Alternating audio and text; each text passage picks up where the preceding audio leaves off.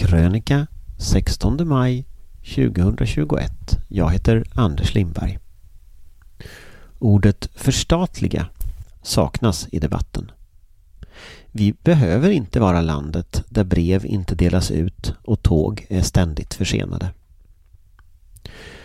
En av högerns politiska framgångar är att den lyckas lura i svenska folket att privat verksamhet är bättre än gemensam och att den offentliga sektorn därför ska följa samma principer och logik som marknaden. Resultatet är att tåg, elnät, skola, vård, post och äldreomsorg har slutat fungera samtidigt som de läcker pengar till privata aktörer. Många av dessa verksamheter är naturliga monopol. Att dra flera spår till järnvägen eller bygga olika elnät till samma fastigheter är bara dumt men den så kallade valfriheten är många gånger en illusion. Vilket alla som ständigt får högre fasta kostnader i elnätet kan vittna om. Eller vars post inte delas ut. Eller vars medicin är restnoterad. Därför var det balsam för själen att höra tidigare näringsminister Björn Rosengrens självkritik som om sin del i 90-talets bolagiserings och avregleringshysteri. Det var han som tog Telia till börsen år 2000. Mitt förslag är att förstatliga nätdelen, sa han till DN. Bakgrunden till att Björn Rosengren fick frågan var det tragiska fallet med Gerd Eriksson, 87, i Nora i Västernorrland som avled när sonen Ulf Eriksson efter ett strömavbrott inte längre kunde ringa 112. Telia kapade 2018 det fasta telefonnätet och sedan dess går internet och telefon via mobilnätet som alltså inte fungerar vid ett strömavbrott. Hur ska jag kunna larma ambulans? frågar sig Ulf Eriksson. Enligt DN river Telia i år de fasta kopparledningarna i ytterligare 221 svenska byar och orter. 2026 ska allt vara borta. På pappret ett skifte från gammal till ny teknik. I den svenska glesbygden en förändring man inte bett om och som kan få stora konsekvenser. Mobilnätet fungerar oftast på pappret men inte om någon störning inträffar, som ett strömavbrott i Västernorrland.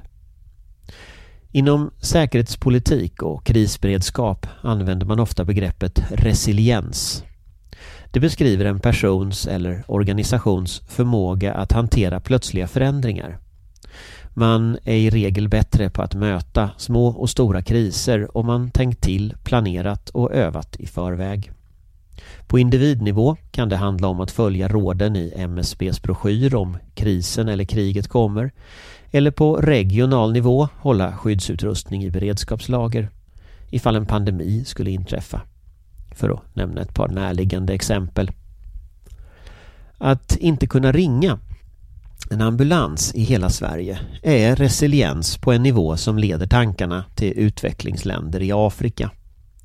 Problemet är att Telia bara agerar som det är tänkt. När Televerket bolagiserades i början av 90-talet och sedan börsintroducerades försvann samhällsansvaret. Staten äger fortfarande 39,5 procent men själva idén med avreglering av statlig verksamhet är att den ska agera som privata bolag. Om samma marknadslogik skulle ha gällt när det moderna Sverige byggdes ut under 1800 och 1900-talet kan man fråga sig hur det hade sett ut. Men för dåtidens beslutsfattare var Sverige något mer än en marknad. Det var ett samhälle, ett land som skulle byggas och där alla skulle få ta del av ett stigande välstånd och av nya framsteg. Men drägliga livsvillkor i hela landet har kanske aldrig varit särskilt lönsamt sett ur marknadens perspektiv. Att bygga telefonledningar eller vägar i Norrland är onekligen dyrare än på Södermalm. Björn Rosengrens nyvudda insikt gäller dock på betydligt fler områden än bara telenätet. Efter att coronapandemin bröt ut har jag verkligen saknat ordet förstatliga i debatten.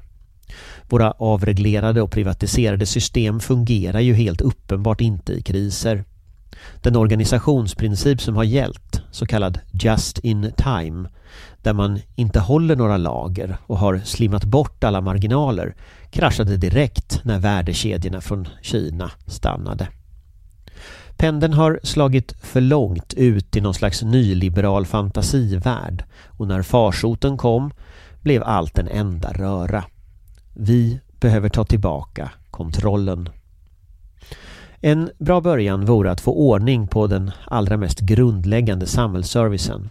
Att det ska finnas el, telefoni, internet, järnväg, post och fungerande vägnät i hela landet. Det är faktiskt inte för mycket begärt. Och ingen annan än staten kommer att kunna ta det ansvaret. Sedan krävs olika lösningar på olika områden. I vissa fall, som inom telefoni och apotek, bör staten genom Telia och Apoteket AB ta ett uttalat samhällsansvar för just ett heltäckande och hållbart system i hela Sverige. Även vid kriser. I andra fall, som med elnäten, borde det offentliga ta bättre kontroll över prissättning och det missbruk som privata aktörer ägnar sig åt när de tar ut ockerpriser. Än så länge har man försökt, men inte lyckats. Och på några områden, som posten och järnvägen, borde man helt enkelt rulla tillbaka de avregleringar och privatiseringar som skett och återupprätta en fungerande statlig verksamhet i hela landet. Sverige behöver inte vara landet där brev inte delas ut och tåg är ständigt försenade. De här förslagen krockar självklart med rådande marknadsideologi. Precis som kritiken mot marknadsskolan och ilskan över den vinstdrivande äldreomsorgen gör. Att staten är lösningen är något som länge har legat utanför den åsiktskorridor av saker som man får säga. Men om till och med Björn Rosengren börjar tänka om kan det inte vara läge att pröva tanken då? Oavsett vad diverse särintressen säger. Corona har ställt mycket av det vi höll för sant på huvudet. Men historiskt har Sverige varit bra på att klura ut nya lösningar när de gamla inte fungerade. Inte fastna i skyttegravar. Innan polarisering och kulturkrig brukade vi faktiskt vara ganska pragmatiskt land. Tänk om vi kunde få en valrörelse som handlar om hur vi bygger upp Sverige igen. Hela Sverige. För det behövs verkligen. Låter det som en utopi? Jag vet. Men tänk om.